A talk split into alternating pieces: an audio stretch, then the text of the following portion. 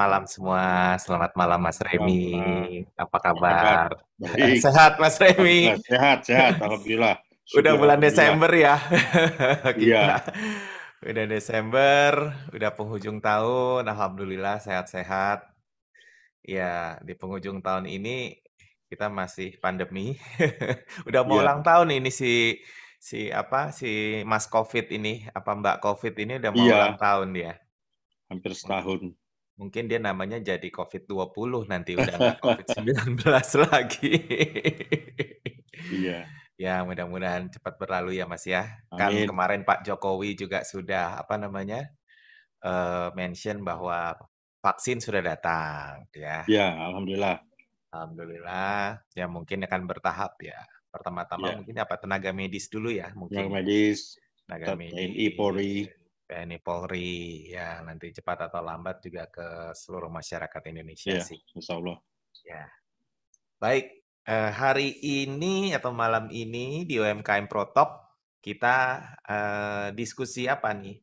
Cerita mau surviving, cerita bagaimana kita bisa bertahan di masa pandemi ya, Mas Remi ya. Iya, karena pandemi ini kan bisa berlangsung sampai tahun depan 2021 ya. Eh, ya, Jadi apa yang kita jalankan sekarang dan berbagi malam ini penting supaya kita bisa eh, bertahan lah atau mencari peluang-peluang baru sebenarnya. ya. Eh,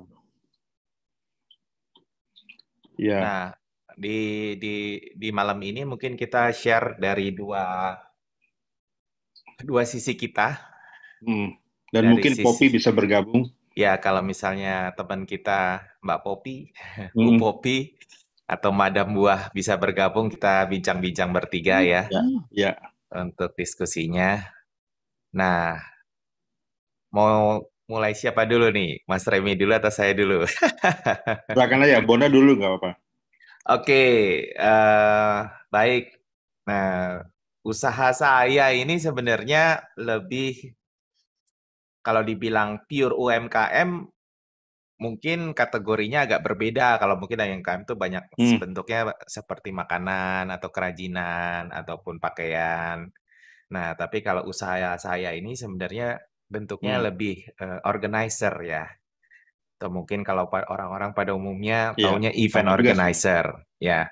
Ya, kalau UMKM ya pasti UMKM lah karena Iya. kan income-nya juga belum ya itu kan. Ya, Mesti kategori segitu UMKM lah. ya, kategori aja.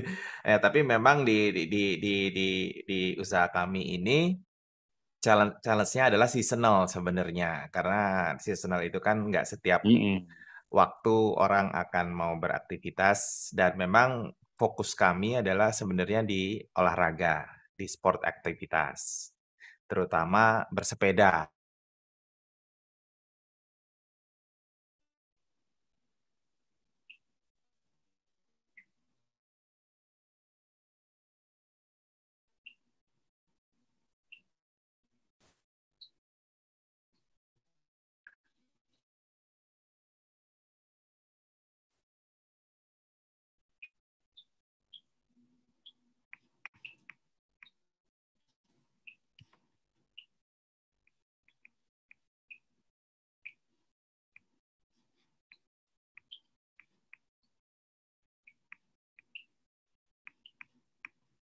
Sudah bisa dengar lagi Mas Remi? Nah, udah bisa. Ya, ini bandwidth-nya memang ada gangguan tapi nggak apa-apa ya kita lanjutkan. Ya, Masih streaming kan kayaknya di YouTube saya cek. Oke, masih ada. Oke. masih, masih.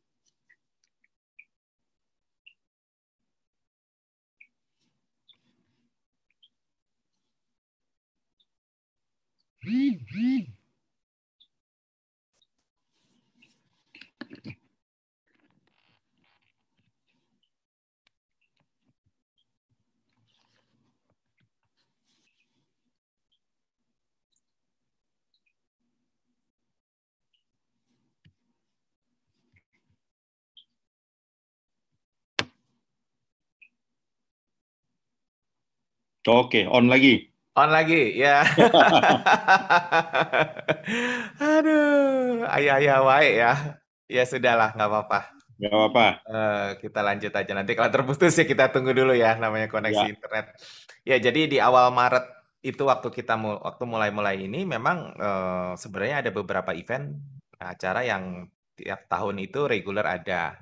Hmm. Ya, uh, setiap tahun sebenarnya dari 2016 tuh saya ada acara kayak seperti uh, acara bersepeda dari Jakarta sampai Magelang. Oke. Okay. memang ada satu grup yang uh, itu dari teman-teman Taruna Nusantara, alumninya. Hmm. Mereka itu ya setiap tahun ada aktivitas itu dan ya seperti biasa sih gerak ini selalu support aktivitas itu. Iya. Yeah. Empat tahun, udah sebenarnya udah dari 2016 sampai 2019 di 2020 tuh sebenarnya ya keempat ini lagi tapi ya kena pandemi nggak jadi. Iya. Terus kemudian ada beberapa event yang dengan Bike to Work biasanya kita bantu apa namanya korporasi ya. Iya. Ingat banget uh, minggu ini kita survei biasanya kan setiap sebelum event kalau ada survei Yeah. Sesudah survei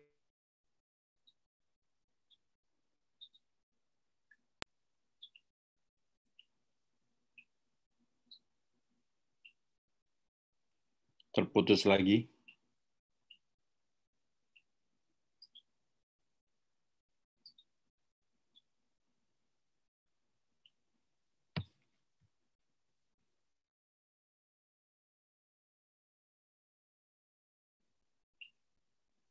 Halo Bon.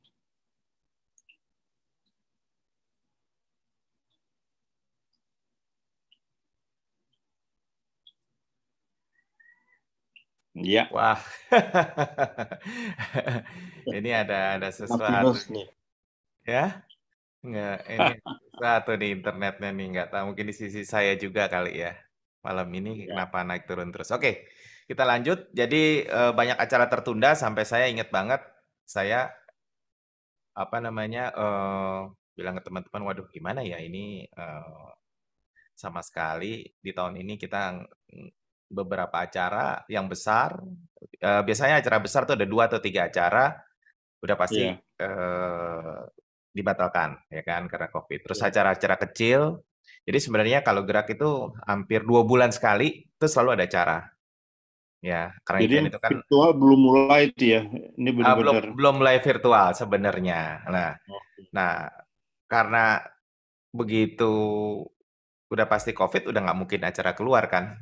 Yeah. Jadi karena nggak ada acara keluar, nah kebetulan memang saya uh, punya aktivitas di bersepeda virtual. Walaupun oh, sudah ada.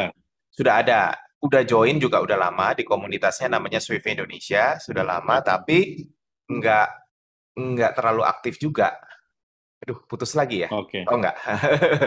nggak terlalu aktif juga. Jadi, eh, karena apa boleh buat nggak bisa bersepeda keluar, akhirnya ya bersepeda di dalam, apa namanya, di dalam rumah aja, gitu. Nah, awal okay. mua, awal muasalnya sebenarnya di acara eh, bulan puasa. Nah, bulan puasa itu okay. biasanya eh, teman-teman yang bersepeda virtual ini bikin bikin goes untuk pas buka puasa, sebelum buka puasa namanya ngabuburit gitu. Hmm. Biasanya ngabuburit gitu kan. Yeah. Goes satu jam, ngabuburit.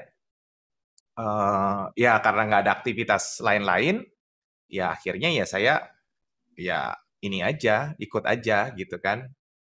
Ikut ngabuburit ini. Wah, freeze lagi nih Mas Remy. Oke. Okay. okay. nah, uh, itu bulan Juni sampai bulan hmm. Juni akhirnya sampai malam takbiran. Hmm. Nah, pas malam takbiran itu kebetulan kami, saya, ada teman-teman juga sebenarnya ada kumpulan pesepeda yang yeah. di Singapura sebenarnya. Hmm. Teman-teman Indonesia yang di Singapura. Okay. Akhirnya kita nggak tahu ngapain malam takbiran, ya udah yuk kita nanjak. Maksudnya kan ada juga rute-rute nanjak, kita nanjak. Dari nanjak itu, nah singkat cerita pas nanjak itu ada teman-teman bilang loh kok ini ada orang yang goesnya udah ber uh, apa namanya berjam-jam ya kan kelihatan hmm. kan kalau di virtual kita yeah. kan uh, paling dua jam tiga jam dia tuh udah 20 jam gitu kan udah waduh lama banget ini ngapain gitu kan gue selama lama gini kan nah Mas Remy hmm Oke, ini ini ngapain gitu gue selama-lama? Nah ternyata mereka melakukan uh, challenge biasanya ada ada challenge. Nah karena ada challenge gitu, yeah. Terpikirlah, yuk kita bikin challenge aja, goes virtual. Singkat cerita, akhirnya kita bikinlah goes virtual challenge 24 yeah. jam. Nah itu event pertama sebenarnya yang dibuat sama uh, gerak.com untuk di event virtual. Tadinya cuma komunitas hmm. kecil aja anak-anak uh, anak-anak teman-teman sendiri. Tapi memang ada satu yeah. cewek yang uh, ambil challenge itu untuk 24 hmm. jam sambil donasi. Oke. Okay. Nah, jadi itulah event yang pertama kita lakukan. Acaranya ya event donasi untuk waktu itu memang untuk tenaga-tenaga medis ya. Jadi okay. kan waktu itu tenaga medis masih kekurangan APD, kekurangan masker gitu kan. Jadi oleh karena itu, jadi uh, kita dapat sumbangan-sumbangan, dapat sumbangan APD juga, okay. dan uang yang terkumpul pun hampir 60-an juta ya. Oh, Oke. Okay. Ya, itu di event pertama. Nah, berlanjutlah uh, itu bulan Mei. Hmm. Sebenarnya ya uh, puasa itu kan akhir Mei selesai ya, kalau nggak salah ya. Yeah. Iya. Uh, nah, terus kemudian dari situ berlanjutlah acara-acara lain yang sifatnya virtual. Yeah. Jadi ada acara 24 jam, terus kemudian ada acara uh, nanjak namanya virtual Everesting. Kalau Everesting tuh nanjak 10.000 km, eh 10.000 meter. Oke. Okay. Terus kemudian uh, launching produk, hmm. launching produk kita lakukan virtual. Saya hmm. biasanya bantu uh, brand, ada namanya brand sepeda track. Nah itu adalah uh, launching tahun ini 2020 virtual. Akhirnya kita bentuknya bikin aja acara launching yang modelnya virtual gitu kan, yeah. pakai Zoom, pakai ini. Nah, eh, dari situ singkat cerita ada beberapa acara akhirnya. Hmm. Dan eh, sampai saat ini hmm. sudah ada 10 acara sampai November yang kita lakukan. Oh, Oke, okay. banyak juga. Iya banyak. Jadi eh, ditambah sebenarnya di Desember ini ada ada tiga event yang akan berjalan.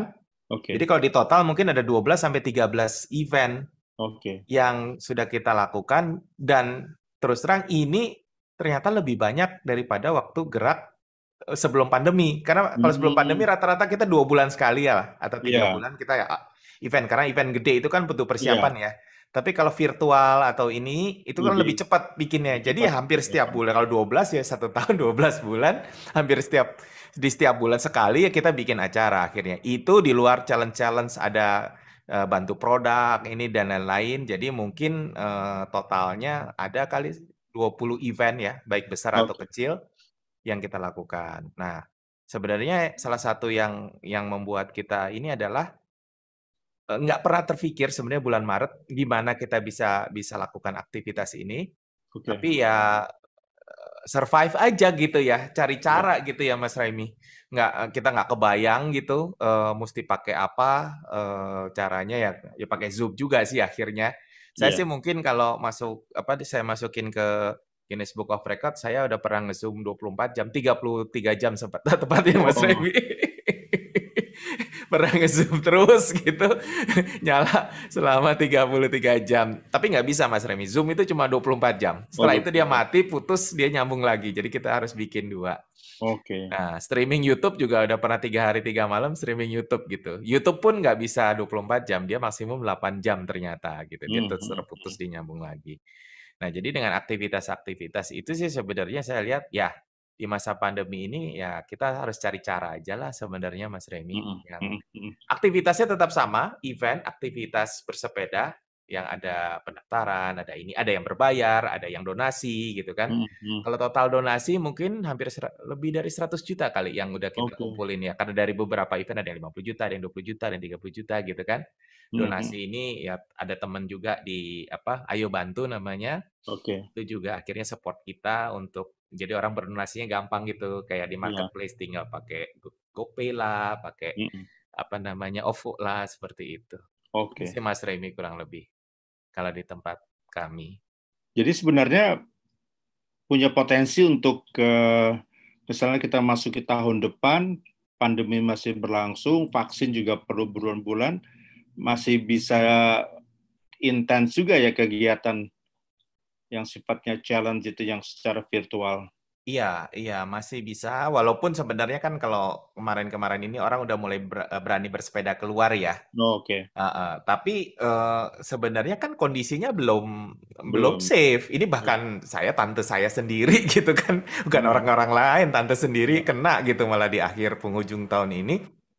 Jadi ya, eee, belum safe, ya lebih baik ya kita campaign aja. Ya maksudnya kita nggak bisa ngelarang orang, Iya. tapi kita campaign, toh di di di aktivitas ini ada alternatif. Maksudnya untuk berolahraga ada alternatif ya. Nah, Iya. di di event pun kayaknya sih sekarang udah hampir semua event itu banyak dilakukan virtual ya. Mau Iya. launching produk lah, mau event talk show, mau Iya. event sharing apa ini dan itu gitu kan. Udah terbiasa orang gitu kan. Jadi orang di depan, eee, layar gitu, laptop atau komputer tuh udah sudah terbiasa gitu Iya. event yang sifatnya virtual, gitu Mas Remi. Iya, vaksinasi juga kan dia efektif kalau mencapai 70% dari total populasi ya. Iya. Nah, itu kan perlu berbulan-bulan dan yang kita sudah vaksinasi pun bisa menularkan. Jadi nggak akan banyak berubah sebenarnya uh, lifestyle kita sampai nanti sampai 70% lebih ter, ter apa divaksinasi barulah dia akan efektif membendung itunya. Iya, iya. Memang, eee, challenge-nya adalah kalau di event, kita tetap bisa melakukan, tapi Hmm. nggak bisa dalam skala besar ya, kalau misalnya event contohnya kalau event bersepeda di luar itu minimum ya di atas 100 orang ya 200, 300 itu bisa Kalau ini ada dilakukan ya.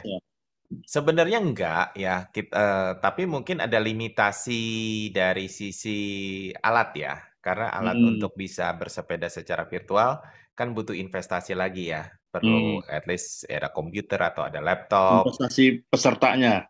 Eee, iya, terus musti ada smart trainer-nya. Nah, smart trainer ini nggak murah gitu kan. Hmm. Eee, mungkin paling murah aja udah sa lebih mahal dari harga sepedanya gitu kan.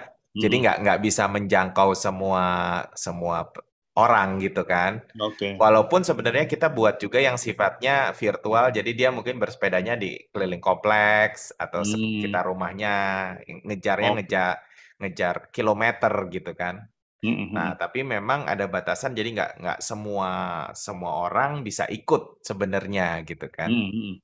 Kalau untuk yang acara virtual bersepeda, gitu Mas Remi. Oke. Hmm. Aku kok hilang ininya ya. Catatannya.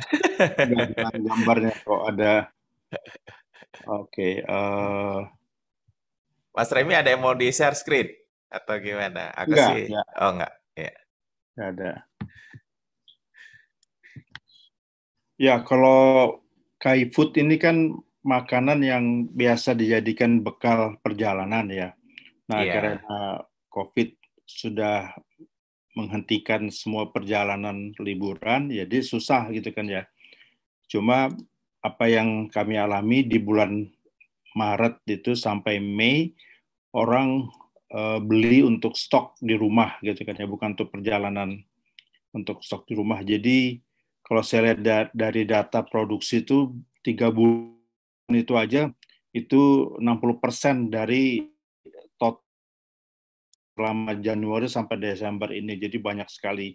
Uh, nah, poin yang saya ingin bagi adalah ketika momentum kenaikan permintaan itu tinggi, maka kita harus maksimumkan. Jadi kayak prinsip hotel yang kayak di puncak aja, karena hotel di puncak itu yang ramainya di weekend, maka dia harus buka semua sebanyak-banyaknya kamar, fasilitas weekend.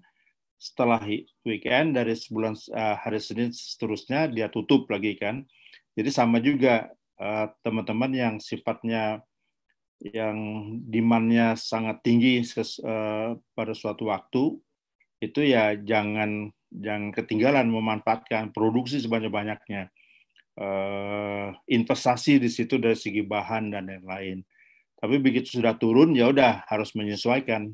Jangan-jangan mempertahankan ininya jadi itu yang kita alami selama dari bulan Maret sampai sekarang sekarang udah sepi sekali uh, apa namanya uh, penjualan hampir hampir tidak ada lah yang ininya marketplace sudah mulai jalan. Tapi untungnya hmm. uh, yang saya kan berdua sebenarnya ini yang mengelola dengan istri saya.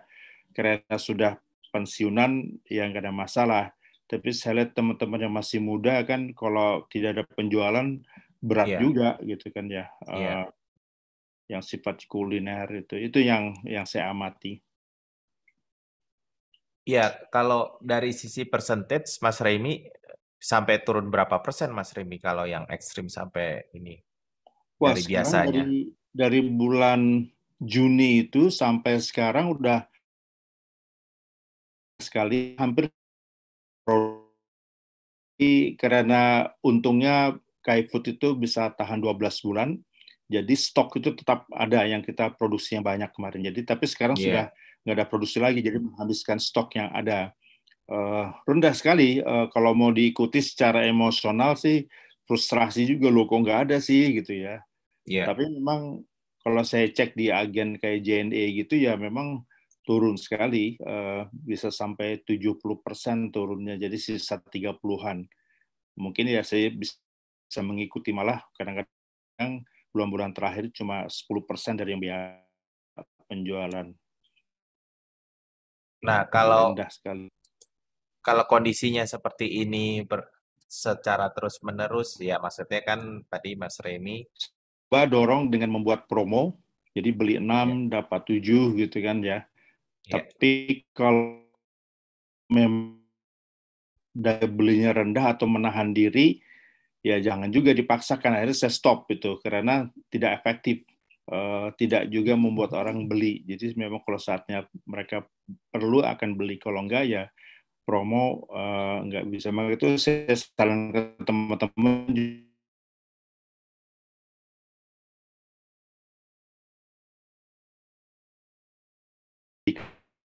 indikasi awal sudah responnya kurang, mendingan di stop. Kalau enggak akan percuma nantinya. Itu. Iya. Yeah. Uh, jadi kalau saran Mas Remi buat teman-teman yang lain kalau yang mengalami sama kan kalau Mas Remi agak diuntungkan produknya ini bisa agak lama ya maksudnya ya lama masih masih bisa 6 sampai 12 malah. bulan ke depan paling enggak ya. kalau sampai pun nggak laku masih bisa di keep untuk stoknya ke ke depan kan ya satu tahun nah kalau yang sifatnya dadakan gitu ya pakai pre-order ya tapi biasanya hmm. memang pre-order ini juga yaitu kalau memang daya beli rendah, orang mulai menahan diri belanja, ya susah juga. Saya yakin susah. Uh, kalau saya amati atau ikuti dari kurir, JNE dan lain-lain, memang uh, berat. Nah, maka itu kita berbagi aja. Jadi masalah promo sebagai solusi hati-hati, iya. jangan yeah. ikuti dengan stok yang tinggi gitu kan ya artinya siap dihentikan setiap saat karena uh, belum tentu berhasil.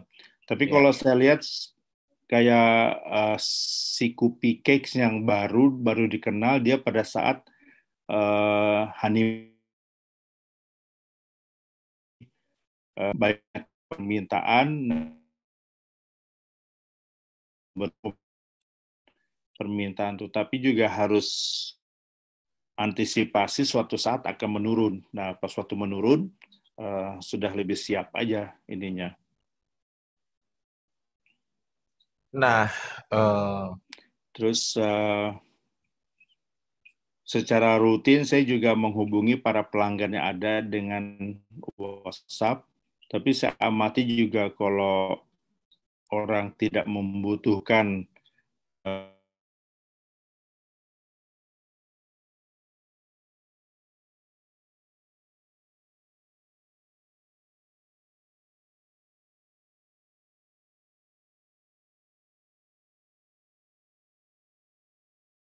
Suaranya agak terputus ya Mas Remi. Mohon maaf nih mungkin kita agak sabar dulu sampai mungkin nyambung kembali. Soalnya ini lagi lagi freeze. Ya.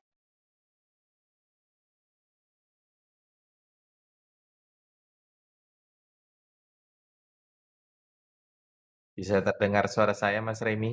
Mas Remi masih mute, tadi kayaknya terputus lagi.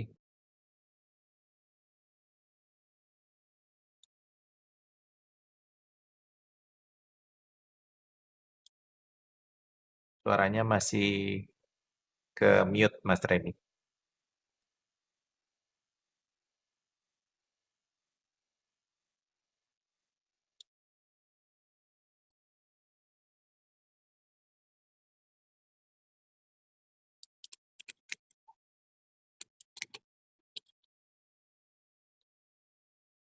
Iya. Sudah data lagi. Uh, suaranya masih ke mute, Mas. Ya, oke. Okay. Ya. Iya, ini mungkin hari ini kan hari libur ya. Jadi mungkin banyak ya. orang di rumah iya, akses iya, banyak ini deh. Banyak pakai, iya.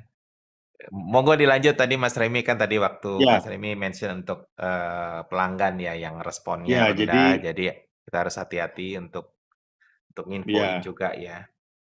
Jadi biasanya kalau saya hubungi mungkin mereka butuh gitu kan ya biasa responnya bagus beli tapi situasi sekarang kan orang juga menahan diri maka itu saya juga mau uh, menghentikan menghubungi mereka karena akan menjadi gangguan kan ya uh, eh, yeah. buat mereka jadi jangan sampai kita membuat uh, gangguan kepada pelanggan yang ada. Nah, apa yang saya lakukan sekarang mumpung salesnya turun, saya banyak melakukan perbaikan-perbaikan tampilan. Jadi hmm, kebetulan okay. pas lagi sibuk-sibuknya kemarin bulan Maret sampai itu kan banyak yang tidak apa namanya tidak diberesi ya. Jadi ya sekarang kebetulan foto-foto produk sudah diperbaiki. Kalau dulu yang pakai tempelan-tempelan stiker sekarang udah benar. Jadi sekarang juga saya lagi memperbaiki tampilan di GoFood gitu kan ya yeah. Ya. uh, ada narasi deskripsi produk yang kurang tajam, kurang lengkap dilengkapi. Jadi itu yeah. saran saya juga uh, kita tetap produktif walaupun tidak segera menghasilkan penjualan, tapi begitu keadaannya membaik nanti sudah lebih baik tampilan kita. Ya, pemahaman uh, uh, pelanggan juga terhadap produk kita akan akan membaik kalau kita saat pas lagi low season ini kita gunakan untuk perbaikan-perbaikan. Itu yang kita lakukan. Jadi uh, pernah saya cerita juga kan di beberapa marketplace banyak reseller yang uh, apa namanya menjual dengan harga tinggi. Akhirnya saya yeah. Iya. uh, mencoba mencoba mengatasi dengan membuka toko baru. Jadi ada yeah. dua toko gitu kan ya. Uh, dan ada saran dari rekan kita FND mengenai official store. Saya juga upgrade di beli-beli menjadi official store. Uh, ada biaya dengan, lagi Mas Remy kalau official store? Enggak ada. Itu. Tapi Sebenarnya kita harus ada. menunjukkan uh, dokumen brand kita bahwa brand okay. kita punya uh, approval. Jadi saya tampilkan tuh uh, persetujuan brand. Nah, mereka juga suka. Jadi ya, akhirnya ya. mereka tampilkan toko saya menjadi Kai Food official store gitu ya, kan ya. Okay. Ya, ya. Nah, itu juga memisahkan kita dari uh, para seller yang sebenarnya bukan produsen dia, bukan pemegang merek gitu kan ya. Nah, itu yang saya ya. alami di beli-beli. Di Tokopedia saya upgrade toko saya menjadi uh, yang premium gitu kan ya. Ya. Tapi memang ada eh, konsekuensi finansialnya kalau sebelumnya Tokopedia itu gratis, itu menjadi ada fee-nya gitu ya. Kalau kalau nggak yeah, salah satu yeah. persen, nggak ada masalah. Hmm. Nah, saya coba meningkatkan semua uh, yeah, kualitas yeah. yang ada, mumpung kita punya cukup banyak waktu untuk ke apa uh, perbaikan-perbaikan atau upgrading upgrading tadi itu. Uh, itu yang dalam minggu-minggu ini saya sibuk memperbaiki, membuka toko baru, membetulkan apa namanya narasi-narasi atau deskripsi gambar-gambarnya diperbaiki. Jadi begitu situasi akan membaik, nanti tampilan akan lebih baik toko kita. Nah itu juga saran buat teman-teman uh, supaya tetap produktif. Tidak segera menghasilkan sales saat ini, tapi akan yeah. punya impact yang bagus ke depannya. Jadi ada waktu buat bebenah lah ya, Mas Remi ya. Jadi benar-benar yeah. toko lah ibaratnya ya toko-toko yang di marketplace. Yeah. Jadi ada waktu. Dan kalau satu tadinya. lagi yang saya perhatikan beberapa teman, kalau saya sudah tidak lagi membuat menu atau produk baru, tapi saya lihat kayak Reza ayam-ayaman dia memikirkan jenis produk yang baru gitu kan ya. Walaupun yeah. tidak untuk penjualan saat ini, maka uh, itu akan uh, setiap saat akan bisa diluncurkan sebagai produk baru. Mungkin untuk segmen yang selama ini tidak terlayani akan dapat dilayani. Uh, Madam Buah juga saya perhatikan ingin menambah menunya, mungkin saatnya sekarang untuk yeah. menambah uh, memperbesar atau memperpanjang produk lainnya. Uh, nah itu yang yang apa namanya yang bisa kita kita lakukan. Oke, yang ada ada rencana ini nggak Mas Since kan sekarang kalau produknya Mas Remy di awal-awal tuh memang buat orang traveling awalnya hmm. ya banyak dipakai tapi yeah. kan mungkin orang masih less traveling lah ya sebenarnya. Yeah. Ada rencana untuk bukan ganti image ya, kayak seperti nambah apa namanya varian baru tapi supaya image-nya itu bukan buat traveling gitu, buat di rumah gitu misalnya. Memang buat yeah. di rumah gitu. Itu yang kejadian di bulan Maret sampai Mei itu kan produksi kita sampai menyumbang 60% dari produksi satu tahun itu adalah stok untuk di rumah. Nah, eh, terutama orang-orang yang tinggal di apartemen atau anak-anak kos uh, atau karyawan yang kos juga perlu sekali. Uh, tapi setelah PSBB transisi atau yang lebih relaksasi kan, maka yeah. uh, kebutuhan itu berkurang. Jadi uh, masih belum dapatkan saya segmen pasar lain yang yang bisa saya uh, apa tekuni karena ya memang bukan masalah tidak adanya segmen, tapi memang ya itu daya beli turun gitu kan ya, uh, atau yang menahan diri itu yang rasanya yang nggak bisa diapa-apain. Tinggal hanya yang saya lakukan dan saya sarankan teman-teman adalah menyiapkan diri aja. Begitu situasi membaik, kita pun tampilannya produk kita membaik.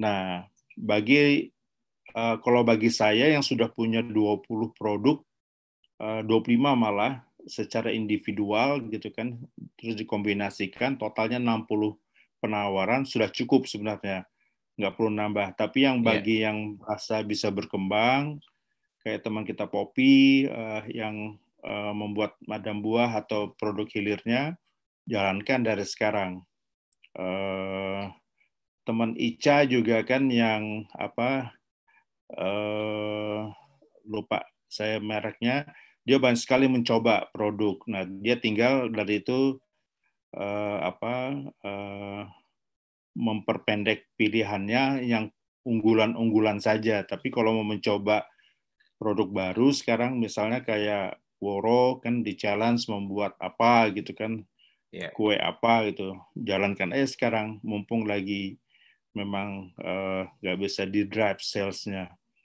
uh, saatnya untuk mengetes produk baru atau menu baru. Nah, dengan berjalan 2-3 bulan sudah ketahuan tuh produk mana yang bisa diandalkan sebagai produk keunggulan berikutnya. Saya dari 25 produk itu unggulannya lumayan banyak sih, sekitar 15 yang sudah sebagai top selling gitu kan ya. Itu sudah yeah. Iya. uh, modal yang bagus untuk berjalan. Sekarang tinggal momentumnya aja yang nggak bisa dipaksakan. Iya, mungkin kalau yang seperti Mas Remy bilang, kalau yang income-nya masih ada dari beberapa source, mungkin masih yeah. masih bisa mencoba bertahan ya. Mungkin malah bisa bereksperimen, iya. memperbaiki yeah. produk, memperbaiki tampilan misalnya atau coba-coba varian baru. Tapi kalau yang utamanya di situ gitu Mas. Nah, sara sarannya kan, gimana?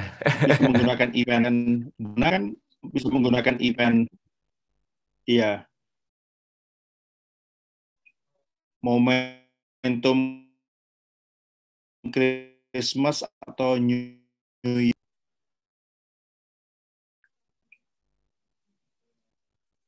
Sorry Mas, agak terputus lagi nih suaranya. Jadi sambil bersabar. Suaranya. Bisa menggunakan event logif atau ya. Ya, kalau Christmas atau New Year Eve, gerak.com ada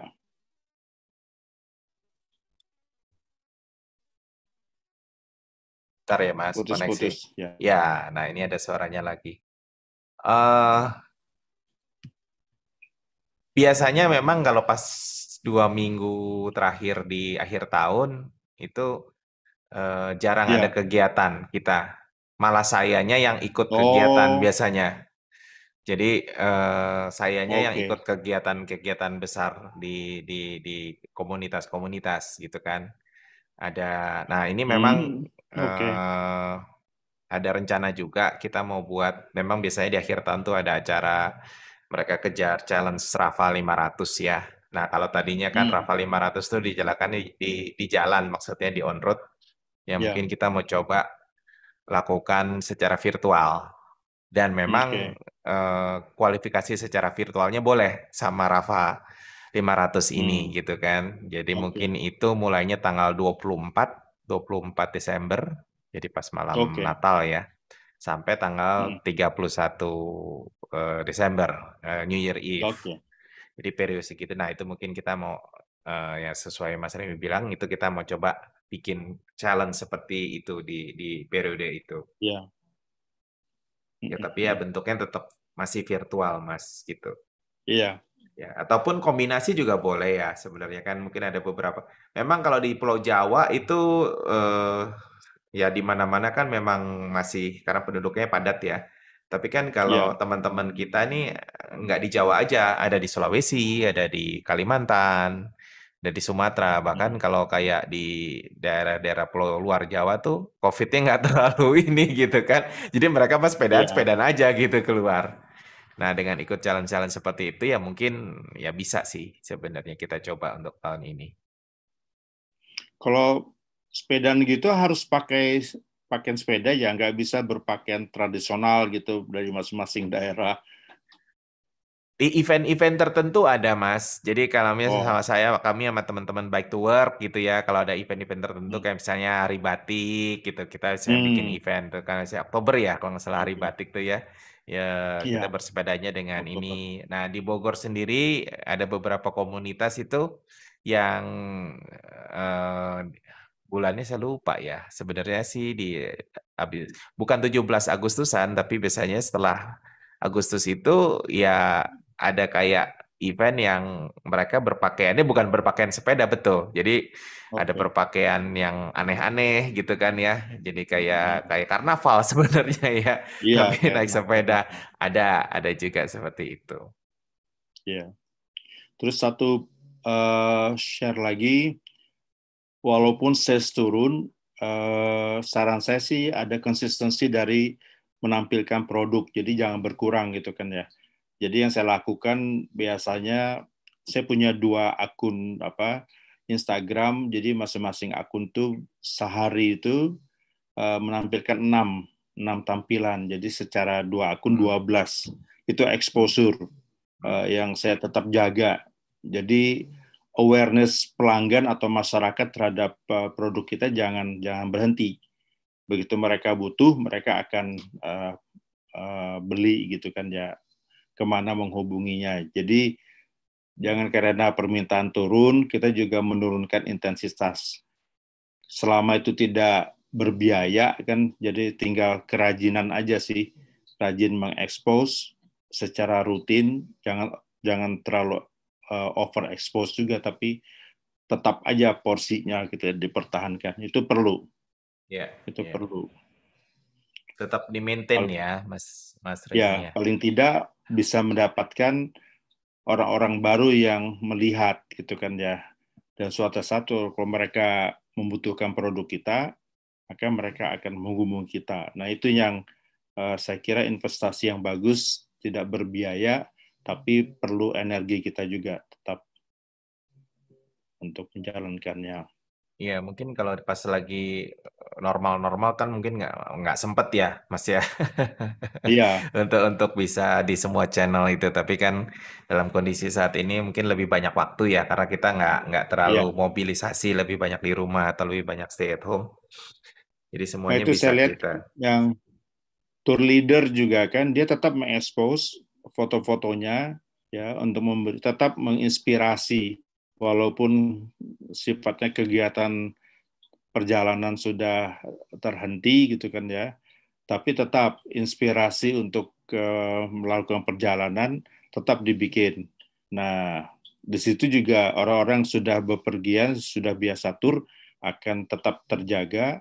Dan bagi yang belum pernah menjadi inspirasi baru dan membuat rencana nanti kalau situasinya bagus atau kalau saya sudah divaksin maka saya akan berani gitu kan ya nah yeah. itu uh, best practice yang biasa saya lihat dari teman-teman tour leader dia tetap menjalankan kan dia punya koleksi foto yang banyak sekali iya yeah, jadi yeah, yeah.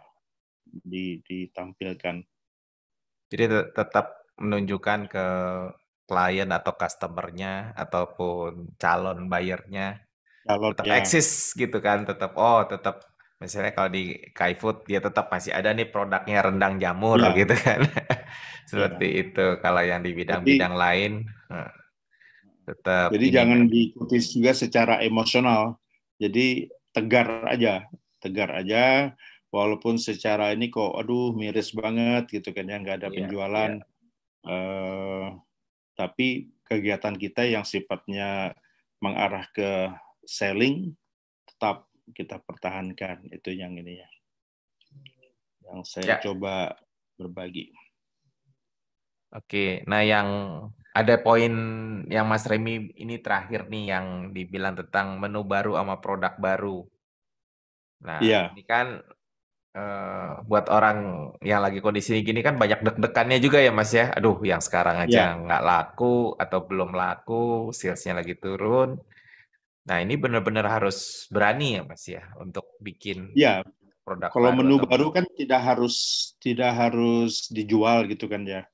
Dia membentuk menu-menu baru. Kalau mau dicoba, coba gitu kan ya. Kalau yeah. dia makanan kan bisa dapat feedback dari ininya. Nah, kalau menu baru itu juga ada juga peminatnya yang memang uh, punya kemampuan beli. Nah, dari situ walaupun jumlahnya tidak banyak, paling nggak dapat feedback bahwa menu baru ini berpotensi nantinya. Nah ini begitu saat ketika sales kita lagi turun, inilah saat untuk berinvestasi sebenarnya. Kalau bikin menu kan nggak terlalu apa namanya banyak yeah, secara finansial, tapi kemauan aja dan lebih kemauan untuk mengeksplor gitu kan ya. Caranya gampang sebenarnya. Kita lihat di di uh, marketplace, Tokopedia atau apa, lihat produk yang punya penjualan banyak dan belum pernah kita produksi dan tawarkan, itu yeah. adalah uh, satu produk yang mitu gitu ya, yang mungkin ya paling bagus sekarang mitu produk lah, jangan terlalu mencari yang baru juga karena akan berat nantinya. Nah itu uh, selama kita punya segmen pasar tersendiri dengan produk yang sama juga bisa. Ya contohnya saya rendang itu, yeah. itu produk yang udah biasa sebenarnya.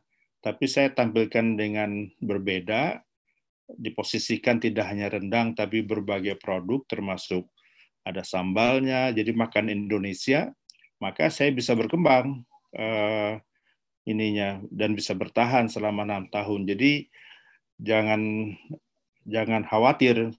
Kalau kita membuat produk baru yang belum teruji di pasar berat juga nanti. Secara cash flow juga yeah. tidak membantu kan apalagi pada situasi penjualan rendah selama pandemi ini. Jadi ya uh, mitu aja. Yeah. uh, siapkan kapasitas produksi kita bisa memproduksi. Uh, kalau masakan itu harus ada yang bisa masak gitu kan ya. Nanti dicoba dijual kalau sudah indikasi awalnya bagus itu nanti bisa uh, full capacity nantinya pada situasi yang membaik. Ya, jadi masa-masa pandemi ini bisa dipakai untuk investasi di produk, investasi Ya. di apa tampilan ya Tampilan maksudnya tampilan gitu kan di ya. di channel-channel yang mungkin selama ini belum ke handle atau ke take care dan Ya. apa namanya eh ya cuma kan mungkin gimana ya Mas supaya teman-teman ini aduh ini sampai kapan ya gimana ya bertahannya ya maksudnya kan bisa aja iya bisa put- patah semangat juga ya kalau ini kan kan banyak uncertainty ya maksudnya kalau Iya. kalau misalnya ya kita lakukan sesuatu kita bisa ini dalam dua tahun dua bulan tiga bulan enam bulan atau satu tahun ke depan nah tapi kalau Mm-mm. menurut Mas Remy mesti siap worst case scenario lah. Ini mesti siap berapa lama sih Mas? Ya setahun depan tuh kita harus siap setahun depan tuh ya tidak akan banyak berubah sebenarnya, tapi ya. membaik iya. Jadi ya. optimisme akan naik. Dengan adanya vaksinasi, maka mobilitas akan meningkat kan. Jadi orang ya ya. bepergian juga akan akan tinggi. Yang tadinya tour package yang sebelumnya tidak karena penerbangannya terbatas, maka penerbangan sudah dibuka karena ya ada vaksinasi tadi itu. Ini momentum terpenting itu ininya. Jadi pasti kayaknya sih saya optimis eh, di kuartal kedua kali ya dari April itu yang eh, sudah cukup banyak yang vaksinasi berjuta-juta gitu kan ya ya eh, sudah bisa pulih sebenarnya. Sebagian dari segmen pasar kita sudah mulai bergerak ya karena sudah merasa terlindungi gitu kan. Ya April sih eh, apa namanya suntikan kedua kan sudah jalan itu dia perlu dua kali kan. Jadi mungkin mudah-mudahan kuartal kedua sampai Juni sudah mulai. Nah semester kedua harusnya sudah lebih baik. Eh, itu eh, apa namanya gunanya kita berharap pada vaksin. ya jadi to be optimistic quarter 2 udah mulai ini lagi semester 2 Iya, ya mestinya udah udah masih udah bisa berjalan yang lebih lebih normal lah ya iya. untuk untuk Sambil ininya kita bisa memilih-milih dan memilah segmen. ya Jadi ya nggak bisa juga diasumsikan situasi yang sama gitu kan ya. ya Saya ya juga dari dari apa namanya makanan Kai Food ini juga saya akan melihat apakah segmen anak-anak yang tidak pakai cabai bisa kita ya tekankan lagi kita expose yang ya tadinya ya hanya sampingan aja mungkin kita expose. Karena anak-anak kan pasti diprioritaskan eh, makanannya. Orang susah anak-anaknya susah makan. Jadi itu mungkin yang saya akan explore. Itu hanya dari segi komunikasi. Produksi ya itu sudah ada. Produksi sudah ada ya Itu semacam itu. Eh, rajinnya kita melihat segmen aja jadi segmentasi itu diperlukan lebih diperlukan sekarang agar eh, ada penjualan. Oke. Kayak gitu. Baik Mas waktunya sudah satu jam. Nggak kerasa Oke. ya walaupun kita agak terputus-putus tadi di di, di tengah ini tetap eh, ternyata udah satu jam juga eh, nggak Ya. kerasa. Nah, tapi kembali lagi di dalam masa pandemi ini cara kita bertahan ya masing-masing punya cara tapi Ya. dari Mas Remy ini ada beberapa poin atau beberapa tips yang sifatnya apa eh, mungkin bisa bantu juga teman-teman ya. Tadi juga Ya. Mas Remy kasih inputan ke saya untuk akhir tahun. Ya benar juga. Di akhir tahun eh, bikin satu event lah gitu ya virtual lagi yang Iya. biasanya malah sebenarnya kita nggak pernah bikin gitu kan karena akhir tahun sayanya juga nggak ngapa-ngapain ibaratnya nggak ikut event dan lain-lain bisa bikin nah mungkin buat teman-teman lain juga yang belum explore produk baru atau mungkin coba-coba uh, produk baru atau menu baru ini mas ini saatnya justru ya mas ya Ya, ini bisa saatnya. dicoba sekarang terus yang untuk uh, open channel atau perbaiki channel-channelnya yang seperti di marketplace, di IG, di Facebook ya. Ini juga masanya ya untuk perbaiki karena mungkin lebih punya banyak waktu karena nggak ke mana-mana kan. Mungkin ya kerjanya Iya. tetap sama tapi karena eh, mobilisasi waktu itu jalan itu lumayan loh. Saya itu kan kalau dulu kita apa sama lah juga Mas Remy kalau waktu masih di Jakarta mungkin at least dua jam atau tiga jam sehari habis di jalan ya Mas ya.